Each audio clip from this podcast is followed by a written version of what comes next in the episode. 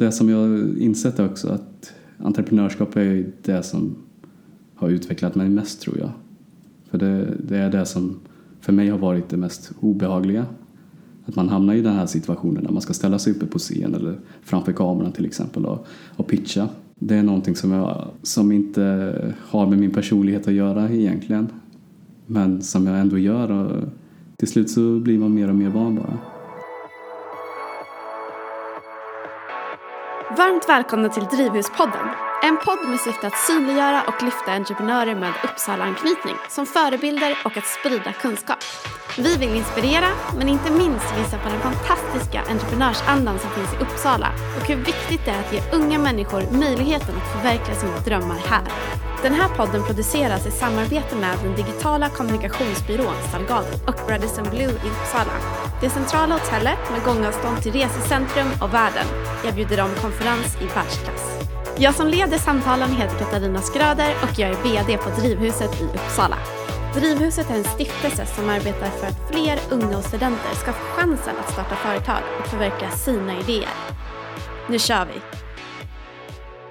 Idag säger vi välkommen till en av grundarna av Uppsala startupbolaget Leafymade som bland annat utsetts som en av landets hetaste affärsidéer och nyligen även vunnit en investering i Youtube-serien Företagsänglarna. Dessutom är han även en väldigt god vän till Drivhuset. Vin Huang, varmt välkommen till Drivhuspodden. Tack så jättemycket. Hur mår du idag? Jag mår jättebra idag faktiskt. Även om det kanske är lite grått och trist ute eh, så har ju vi det ganska varmt och skönt här inne i alla fall. Ja. Eh, vi sitter i två stycken supermysiga sammetsfåtöljer eh, inne på ett av rummen på faktiskt Uppsalas mest anrika hotell, Grand Hotel Hörnan. Jättemysigt. Verkligen. Hotellet ägs och drivs av en riktig entreprenörsfamilj här i Uppsala, familjen Benbom. På tal om entreprenör. En typisk entreprenör är en person som älskar att stå på scenen, är utåtriktad och en säljare. Ja, de säger ju det men, men eh, det är inte så jag känner mig oftast. Jag är som man säger introvert vanligtvis. Så, så jag trivs inte på att stå på scen och prata inför folk ofta men, men jag gör det. Eh, det känns faktiskt jätteskönt efteråt varje gång. Så det, det är verkligen en utmaning att eh, vara entreprenör men inte den här typiska arketypen som, som man vanligtvis pratar om eller, eller oftast ser på, på, på tv och så. Precis, man tänker oftast att det ska vara en gul person som är jätte liksom, utåtriktad och, och extrovert. Ja, precis. Jag är inte den som står och hoppar på scenen av, eh, av exaltering. Nej. Men, men jag brukar ju gå upp och göra, göra det vi brukar göra liksom. Och eh, jag har en bra partner också som är jättebra på att ställa sig på scenen och bara prata helt fritt. Så det, Det är super, då kompletterar ni varandra på det sättet. jajamän. Kan inte du berätta lite grann om din entreprenörsresa? Varför blev du entreprenör? Jo, jag har alltid, eh, eller jag har länge velat göra någonting eget. Jag har länge velat eh, bygga någonting från grunden, tror jag. Så när jag var yngre så testade jag på det mesta. Eh, olika typer av jobb. Jag har jobbat på fabrik och på lager och så vidare. Men eh, jag kände att jag fastnade lite. Jag, jag gick till samma jobb och gjorde jag fick en del uppgift, en rad uppgifter och så utförde jag dem och sen så stämplade jag ut helt enkelt. Och, och visst, det var skönt. Jag behövde inte tänka på något annat efteråt. Jag kunde fokusera på min fritid och att gå och träna och, och ut, ja, spela spel och träffa kompisar och så vidare. Men jag kände också att eh, jag, ja, till slut så började jag tänka är det det här jag vill göra i resten av mitt liv? Så jag testade att eh, börja spela poker till exempel. Och jag kände att dels är det en riktigt kul grej. Jag hade spelat med, med kompisar ett bra tag. Eh, vi hade kört lite hemmaturneringar och så. Och eh, så jag ville testa på det så jag åkte till Sydkorea och eh, började sitta på kasino. Och det gick eh, ganska bra faktiskt. Wow. Så, Häftigt. ja, men, men jag lärde mig också att det är ett ganska ensamt liv för man går till kasinot, sitter där och, och träffar ja, oftast sex till nio personer dagligen. Oftast är det några av dem är samma personer som man tidigare träffat. Eh, då kände jag att men jag vill också ha den här sociala biten. Så jag slutade med det och började, började umgås med lite människor i Sydkorea istället. När kom du till liksom själva entreprenörskapet? När bestämde du dig för att förverkliga en idé? Det var faktiskt där i Korea och då tänkte jag, men vad ska jag göra? Jag måste göra någonting när jag kommer tillbaks. Mm. Och eh, jag vill absolut inte jobba som eh, maskintekniker, Nej. vilket var de studierna som jag faktiskt läste då. Så jag, ja, jag köpte en bok eh, där som handlar om entreprenörskap. Och, eh, och eh, där så beskrev en entreprenör faktiskt att, att man behöver inte vara på ett visst sätt, på det här sättet som jag alltid Nej. tidigare har eh, trott att man ska vara.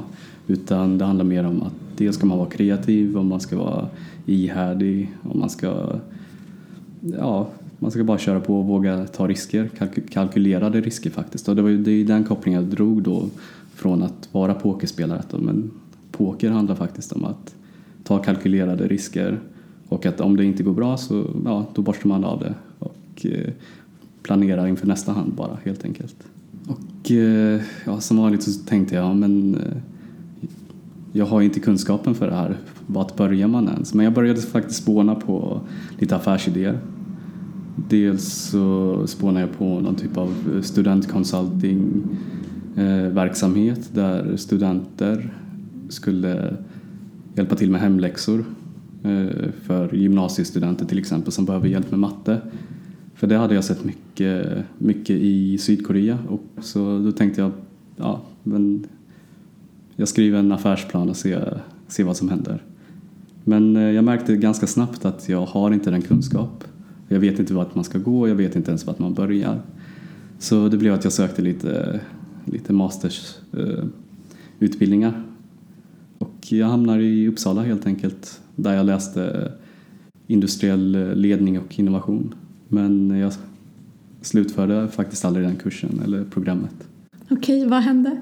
Jag hamnade i en klass där betyg och, och jobbsökande betyder jättemycket för, för alla. Och Samtidigt så, så gick jag dit och lärde mig jättemycket, otroligt mycket. Men det var så mycket press och så mycket ångest just i, i hela atmosfären kände jag.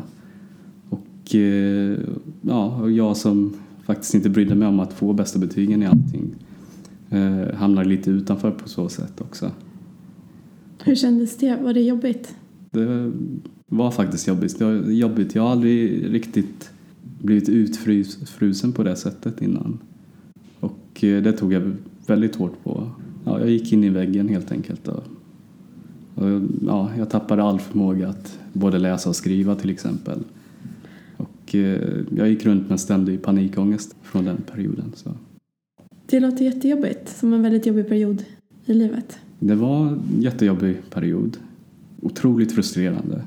Men också är jag tacksam för att jag har gått igenom den. Det har faktiskt stärkt mig som person på många många sätt. Jag är inte, absolut inte lika stresstålig som jag var när jag var yngre. Nej. Under den tiden, eller innan den perioden. Men eh, jag har lärt mig att känna av både min mentalitet och min fysiska kropp på ett bättre sätt. Där jag kan säga, ja, men okej okay, nu, nu ska jag inte pusha mig själv mer än vad jag, vad jag kan för jag vet hur det kan, kommer gå i sådana fall. Jag tror att det är många som känner igen sig i den delen. Att man har mycket press på sig och att man kanske sätter mycket press på sig själv utan att man kanske är medveten om det. Ja. Eh, och att det kan bidra till att man helt enkelt blir helt slut och går in i väggen. Det är ja. allt fler som gör det också. Det var nog därför jag började starta ett nytt företag. Det var mitt sätt att komma tillbaka igen faktiskt efter eh, den här utbrändheten. Så jag, ja, jag tog en dag i taget. Jag visste att jag ville göra någonting eget och jag hade en rad med affärsidéer som jag hade listat upp och så diskuterade jag med lite folk och, och kom fram till en av de här idéerna och så körde vi på det bara. Vad var det för idé då? Berätta. Ehm, det var en, eh, en matlåda som vi designade. Jag och en kompis från eh, en högskoleperiod i, i Jönköping det är en idé som ursprungar sig från, från matsalen helt enkelt. Där jag eh, ofta tog med mig grönsaker till eh, skolan. Och samtidigt så hade jag en varmrätt. Och då behövde jag alltid ta med mig två stycken matlådor. vilket jag tyckte var jobbigt. Så ibland så skippade jag till och med att ta med, med grönsakslådan. Och då tänkte jag, men kan man inte ha en, en matlåda där man har två i ett liksom? Mm. Både en låda för grönsakerna och en låda för ja, precis. det varma liksom. Så ja. Vi designade en tvådelad matlåda som, var, som man kunde koppla loss ifrån varandra helt enkelt. Och matlådan kallade vi för, för Smartbox. Jag vet att ni eh, gjorde en Kickstarter-kampanj Ja. på den matlådan. Mm. Kan du inte berätta lite, vad är en Kickstarter? Det är en så kallad crowdsourcing, en form av eh, investering från kunder som direkt visar intresse för eh, ens produkt. Så man kan lägga upp en kampanj på ja, allt möjligt oavsett om det är en, eh, låt säga en produkt som vi hade till en, till en tjänst eller bara ren donation till någon som behöver pengar. Och eh, ja, det, det finns jättemånga galna idéer där och, Ja. och det vi märkte var att det, ja, det är ganska svårt för det, det, blir, det är ett stort hav av idéer som hamnar där och det, det är svårt att inte hamna i bruset. Men varför valde ni att göra en Kickstarter? Alltså vad var er main motivation? Dels för att vi ville få ett typ av proof of concept. Det vill säga att visa att, att det finns kunder och att det finns intressen som faktiskt är villiga betala pengar för det här. Eh, Det skulle ju bara de- delfinansiera vår, vår tillverkning egentligen. Vi satte ett mål för det och eh, vi nådde det helt enkelt inte. Men vi lärde oss otroligt mycket genom att bara planera och ha det som en strategi faktiskt. Vad hände sen med eh, Okavi?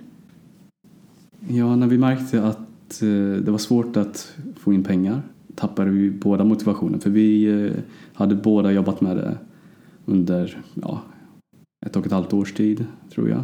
Och det var lite make it or break it där att vi behövde få in en investering. Dels så att vi kunde få löner och när vi in, inte kunde få det. det var, för mig var inte lönen lika avgörande. Jag ville bara få ut produkten till marknaden. Det var ju en baby som vi hade jobbat med och byggt på under en ganska lång period. Och vi Mm. ja, det är mycket blod, svett och tårar under den tiden också. Ja. Vi, ja, Johnny hoppar av och då känner jag att eh, men jag, kan inte göra, jag kan inte fortsätta själv helt enkelt. Så då valde du att avsluta också? Men jag tog en paus och bara fokuserade på, på relationer helt enkelt. Och även tog mig, själv tid att kunna ja, bygga upp ett självförtroende igen. Ja, dels så lärde jag mig spela instrument till exempel. Ah. Och det, jag var ju jättedålig i början men jag hittade någonting som jag verkligen brann för som jag kunde sitta i flera timmar i sträck och bara tiden flög förbi. Efter ett tag så kändes det som att okej, men jag blir faktiskt bättre på någonting just nu. Bara känslan av att, att utvecklas på någonting även om det inte är det som jag vill bli det jag skulle jobba med professionellt. Jag, jag, då vill jag ju starta företag också. Ja, jag pushar mig igenom allting bara. Och sen när jag startade företag så bara de första mötena så var superjobbiga också. Släppte det sen? Det släppte faktiskt med tiden. Ju mer man gör någonting desto mer naturligt kommer det. Det som jag insett är också att entreprenörskap är det som har utvecklat mig mest tror jag. För det, det är det som för mig har varit det mest obehagliga. Att man hamnar i den här situationen när man ska ställa sig uppe på scen eller framför kameran till exempel och, och pitcha. Det är någonting som, jag, som inte har med min personlighet att göra egentligen. Men som jag ändå gör och till slut så blir man mer och mer van bara. Så du menar att man kan träna sig även om man känner att man sitter och lyssnar på det här till exempel och, och känner att man inte passar in i den här äh, stereotypiska entreprenörsbilden. Att man ändå kan träna upp de typen av, av äh, skills. Ja då. Jag tror att äh, många goda talare som står på scen och talar inför tusentals personer.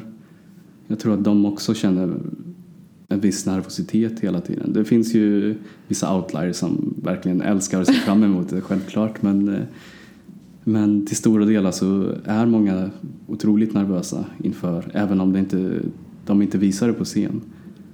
Och eh, Men förbereder du dig på något särskilt sätt då? jag förbereder mig genom att inte förbereda mig allt för mycket. Jag vet vad som kommer att hända. Jag vet, jag, jag vet att jag kan lita på att ja, men, går jag upp där och kommer in i någon typ av the zone eller något sånt. Då, då kommer det till slut att antingen gå bra eller dåligt. Och om det går dåligt så är det helt okej okay, för det är inte slutet på världen heller. Om det går bra så kommer jag må toppen därefter. Mm. Det brukar ju vara så att man tenderar att tänka så här, gud vad dåligt det gick. Men sen var det ingen som märkte. Ja, För ingen vet ju vad du ska säga.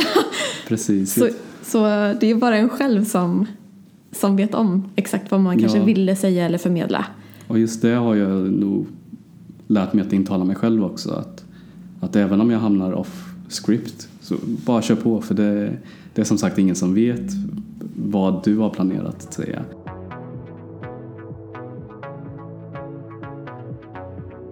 Det här avsnittet sponsras ju av Gistvall Holm som är en grafisk designbyrå här i Uppsala. Och jag vet att ni eh, faktiskt eh, har hjälp av dem, eller hur? Ja, vi har fått jättemycket hjälp från dem. Så de har ju tagit fram allt grafiskt material som vi har idag och gett oss en, en profil. Och vi kände att, eh, att vi var så pass nöjda att vi till och med ville ha med dem i företaget också. Så idag Då är man nöjd. Ja, De var riktigt nöjd. Ja, men vad kul. Ehm, och de brinner ju för startups. ja, Och liksom det, det är det de fokuserar på helt enkelt. Och det är därför vi också samarbetar med dem på Drivhuset. Och Kavi gick alltså inte riktigt som ni och du hade hoppats på. Eller som ni hade tänkt från början. nej. Eh, Men vad hände sen? Efter att ni hoppade av det eh, projektet.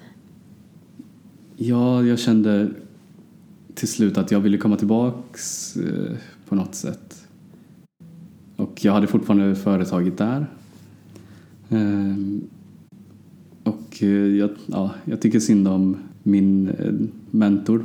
Under den tiden som jag tog en paus så hörde jag inte alls av mig till, till honom. Och till slut så ringde jag honom fyra månader senare. Jag sa, det, enda jag behövde säga var ja, men jag behövde ta ett litet break. Nu funderar jag på att komma tillbaks igen. Eh, och då var jag på väg till en workshop för att träffa nya teammedlemmar. Och på den här workshopen så träffade jag både Summan och Minu som idag är medgrundare i Leafy Made. Eh, det företag som vi kör nu. Hur länge sedan var det här? Det här var i november förra året. Så inte så länge sedan. Inte alls. Nej. Och eh, ja, tanken var att de skulle hjälpa mig med matlådeprojektet igen. Eller återuppliva det på något sätt. Men, men bara någon dag senare så fick jag se en lövtallrik som han, han visade upp för mig. Ja, redan då så ställde jag tusentals frågor eh, om det här och dagen efter det så sa vi att ja, men, jag tycker vi ska köra på det här istället, vi skiter i matlådan. Eh, Men hade han redan en färdig prototyp då? Ja, han hade köpt en prototyp från, eh, från Indien men den var ju två år gammal så den var gulbrun liksom och inte Okej. grön som den ska vara. Men, eh, men det var ett koncept som jag verkligen kände att wow, det här vill jag faktiskt jobba med. Det här skulle jag kunna tänka mig att köra på för jag såg verkligen värdet i att, i att kunna jobba med en sån här grej i just de här tiderna i, som vi är i Sverige just idag när hållbarhet har hamnat lite i skymundan eh, i, konsumtion, i konsumtionen. På något sätt känns det som att det är kopplat också till den föregående idén. Det ligger inte jättelångt ifrån, alltså matlådan, men och det här är tallrikar, det är ingenting man kanske förvarar, men man äter i alla fall från den också liksom. Precis. Så det kändes bra att kunna inte behöva ta ett jättestort kliv eller 180 graders eh, vändning från det jag tidigare gjort. För jag tycker det är väldigt roligt, för jag minns ju när jag började på Drivhuset för ett och ett halvt år sedan. Då träffade jag dig eh, och då hade du ehm, varit på väg att lägga ner tror jag idén med matlådan. Jag tror att eh, jag redan hade lagt ner den faktiskt. Det hade du och du var fundersam på vad du skulle göra, eh, vad som skulle hända och du kändes, det var lite dämpat. Ja, Eh, och sen var det Väldigt så kul deppigt. för att sen träffade jag dig liksom några månader senare och då var det helt plötsligt hade du fått helt ny energi. jag behövde den tiden faktiskt för att både reflektera kring ja, vad jag vill göra och hur jag, ska, hur jag ska fortsätta. Som tur var så hittade jag Summan som hade den energin som jag hade när jag började med mitt första projekt. Så de lyfte mig också just att ha bra människor eh, runt omkring mig faktiskt hjälpte till.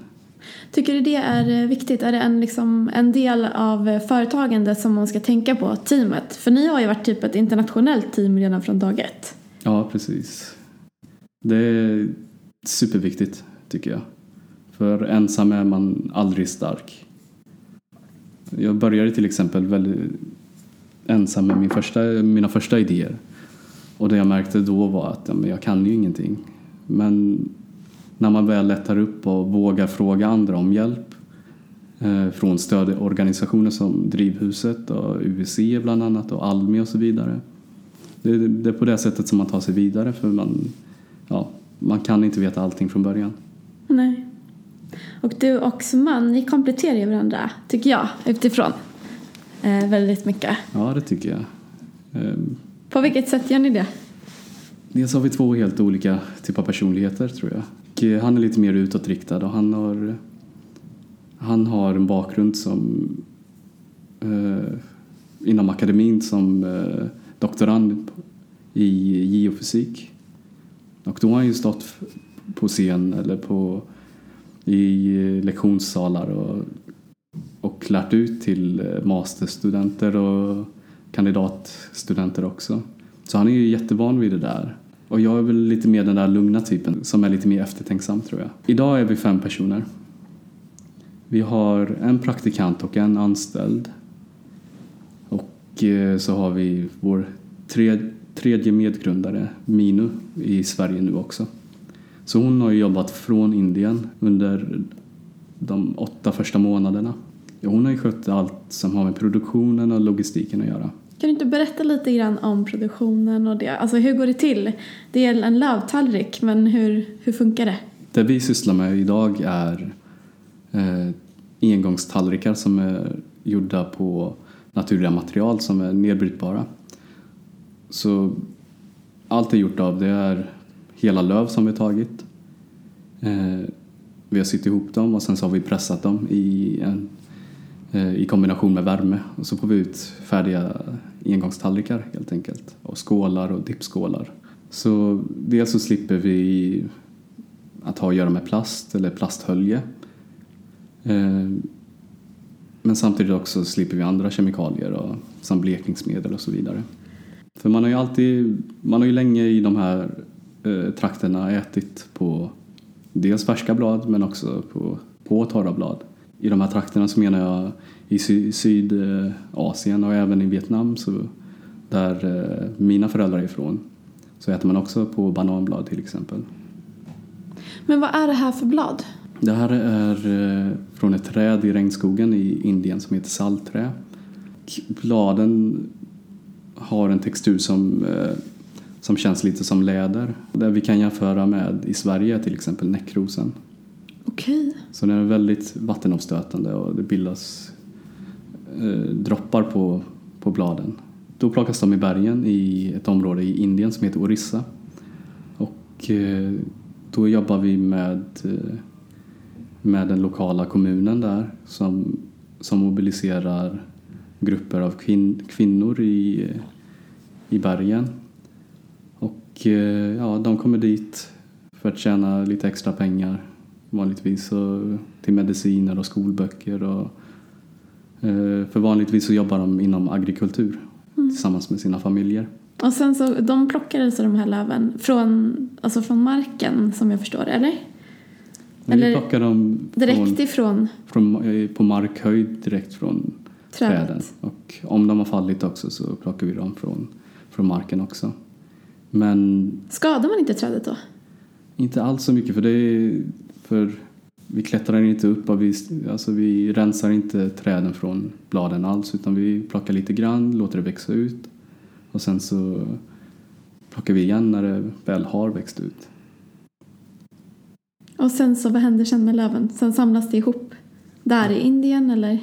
Ja, sen så samlas de ihop och sys ihop till eh, lite större ark vanligtvis och sen så pressas de i en värmemaskin bara. Och det här är ju en bransch i Indien som har tidigare varit väldigt eh, utbredd men eh, i, i ett utvecklande land som Indien så, så vill, eh, så vill de eh, eftertrakta oss lite som i västvärlden och då har de börjat eh, använda papperstallrikar och plasttallrikar mer.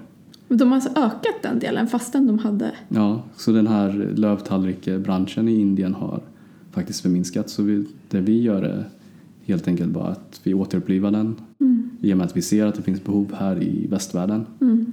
för den. Häftigt. Ja. Ni blev ju utsedda till, eller av företagarna till en av landets 103 hetaste unga idéer. Är marknaden mogen för era typer av produkter? Är den redo för den? Den är jättemogen för det. Det känns som att det är väldigt rätt i tiden. Dels på individnivå när vi pratar med människor, dels från organisationer när vi pratar med dem. Men även från politiskt håll så ser vi, ser vi förändringar även om det kommer ta mycket längre tid än vad vi hoppas på. Eh, EU har kommit ut med att de vill bannlysa eh, vissa typer av engångsprodukter i plast. Just det, för plast är ju en av de stora miljöförstörarna som jag förstår det. Mm. Och det är lite det som vi vill motverka också. Eh, I det som hamnar i, ja, ute i naturen och i haven till exempel. Vi på Lifimed gör även helt enkelt att vi vill jobba gentemot FNs globala mål. Mm. Om man läser på er hemsida så har ni eh, ett citat som, som är så här. Uh, we define our success with the number of lives that we have touched in a positive way. Kan du inte berätta mer uh, vad ni menar med det? Det hör ju till vår vision där vi, där vi vill beröra folk och vi vill påverka dels oss här i västvärlden med att tänka lite mer miljövänligt och hur vi återvinner till exempel och vad vi ja, hur mycket plast som vi förbrukar. Och särskilt plastpåsar och, och sådana artiklar. Men också så fokuserar vi mycket på att hjälpa de här människorna i, i Indien som jobbar med oss. Där vi, vi har planer på att bygga ut dagisverksamheter och även, även eh, bidra med, med premier så de, de också kan känna sig att de inte bara har en minimumlön men även en eh, levnadslön som de som de kan utvecklas med. Så ja, CSR-policyn jobbar vi väldigt mycket med nu i början. Eh, och vi kommer fortsätta med det också. Samtidigt som vi också försöker främja det här med miljötänket.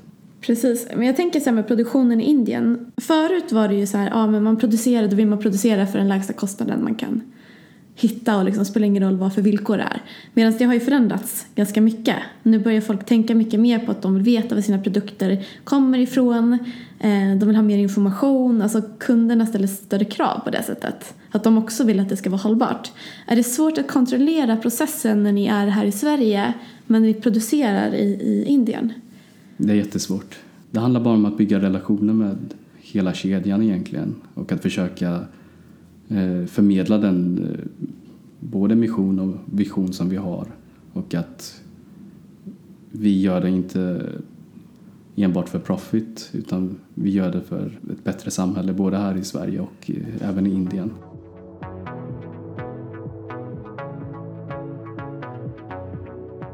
Är det viktigt att vara uthållig som entreprenör? Det är det. Otroligt viktigt. För det kommer alltid att kunna komma och gå i vågor liksom. Det är precis som i livet. Man har bra stunder och man har dåliga stunder och framförallt så måste man ju lära sig att all kritik inte är negativ kritik utan det är konstruktiv kritik oftast. Men det är svårt att skilja de två när man börjar. Det, det minns jag framförallt från första projektet där jag alltid tog ett nekande som att att okej, okay, men då kanske jag inte har någonting. Då kanske inte ska fortsätta med det här. Är det för att man tänker att det är, alltså man har byggt upp ett projekt själv, en idé. Ja. Det blir lite väldigt så här, mycket känslor som är investerade i den idén. Det är ju det, man lägger ner allting som man har nästan. Man riskerar ju eh, väldigt mycket. Man lägger ner tid och resurser och även energi på det här. Just i första projektet så kunde jag tänka på projektet eh, innan jag skulle lägga mig. Det första jag tänkte på när jag vaknade var också på projektet. Okay, men hur, vad ska jag göra idag? Liksom? Men eh, det är lätt att, att hela ens liv cirkulerar kring det man gör när man bygger ett företag. Men jag har lärt mig att, eh, att försöka balansera det också med tiden. Hur balanserar man det då? Att hitta det, saker som, som får en att fokusera på något helt annat också. För att liksom återhämta sig. För annars säger man ju att, att vara entreprenör det är en livsstil. Det är det. Och eh, det är hur kul som helst faktiskt. Men det, man behöver en liten paus från det hela också lite då och då. Och för mig så, så är det ju instrumenten bland annat och att umgås med vänner och, och även att eh, spela datorspel till, till exempel. Det är min, mina typer av avkopplingar. Ibland så spelar jag fortfarande lite online-poker, men bara för skojs skull. Eh, så ja, jag tycker det är jätteviktigt med balans i livet helt enkelt. Och det är, även träning är någonting som, som får mig att koppla av och, och tänka på annat istället. Mm. Jag har tänkt ganska mycket för att ni hade ju en liten fotosession eh, häromveckan där ni fotograferade lite för ert eh, varumärke. Ja. Um, när man tänker på varumärke och företagsvärderingar så hänger ju det alltid ganska nära samman, oftast. Um, är det utmanande, tycker du, att visa genom varumärket vad man faktiskt står för? Ja, ja det gör allting egentligen. Oftast det som kunder ser är inte det som vi säger till dem. Utan det är det som de håller i handen sen. Och det är det som de också sprider vidare till sina vänner. Så det är otroligt viktigt att våra värderingar dels speglas i produkten men även i hur vi talar om den i form av promotion eller hemsida eller sociala medier. Och eh, ja, det är jätteviktigt att tänka på redan från början. Vad är det vi står för? Vad har vi för personlighet och vad är det vi vill åstadkomma med det här? Så det tycker jag är jättebra.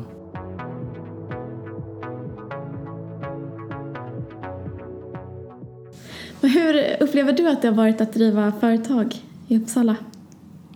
Jättespännande och eh, faktiskt väldigt lätt. Mycket lättare än vad jag tänkte mig. För, det, för den här innovationsmiljön är ju fantastisk tycker jag. Man gå till ett ställe och sen så helt plötsligt så leds man till fem andra ställen och så vidare. Så till slut så har man pratat med Drivhuset och Uppsala Innovation Center och Uppsala eh, universitet innovation och, så vidare.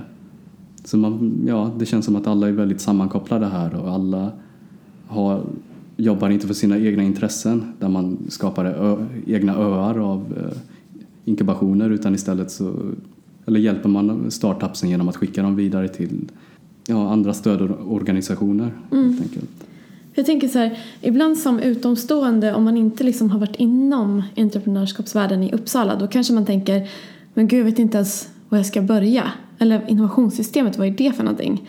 Eh, vad skulle du säga till en nybliven entreprenör i Uppsala? Vad ska man göra? Alltså vad är första steget för att få liksom, tillgång till? Var inte blyg.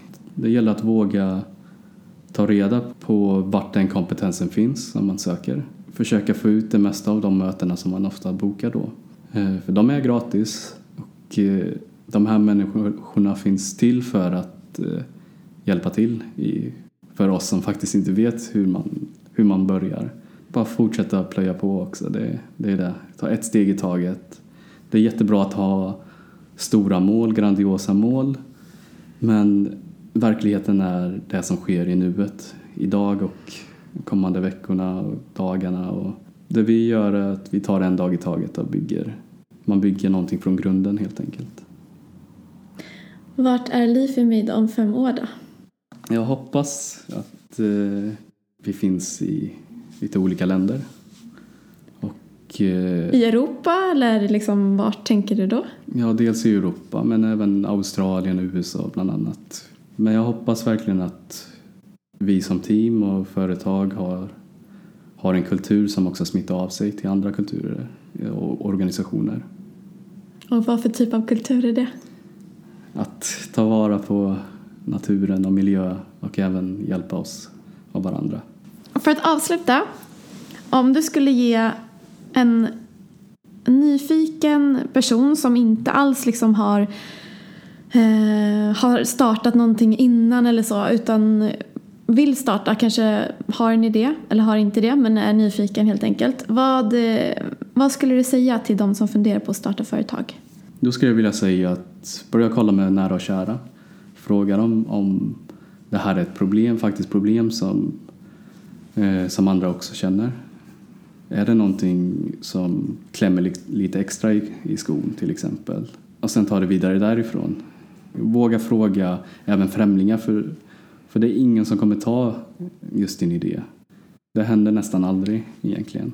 Och till slut så även våga fråga era potentiella kunder, är det här ett problem? Och försök utveckla problemet eller lösningen tillsammans med de här. Oftast har man inte alltid rätt utan det gäller att man, man får testa sig fram och sen så till slut, ju mer man pratar med andra så är, kommer man närmare ja, ett bra slutresultat. Men som sagt, man är aldrig perfekt och ens företag och ens idé kommer aldrig att vara helt perfekt utan det är någonting som man alltid måste jobba på. Tusen, tusen tack att du ville vara med i Drivhuspodden. Tack så jättemycket. Jättekul att du kunde komma och supermysigt att ha suttit här och pratat med dig. Tack för att du lyssnar på Drivhuspodden. Har du en idé? Kontakta oss på uppsala.drivhuset.se. Och du, glöm inte bort att följa Drivhuspodden på Facebook och Instagram. Vi finns där poddar finns.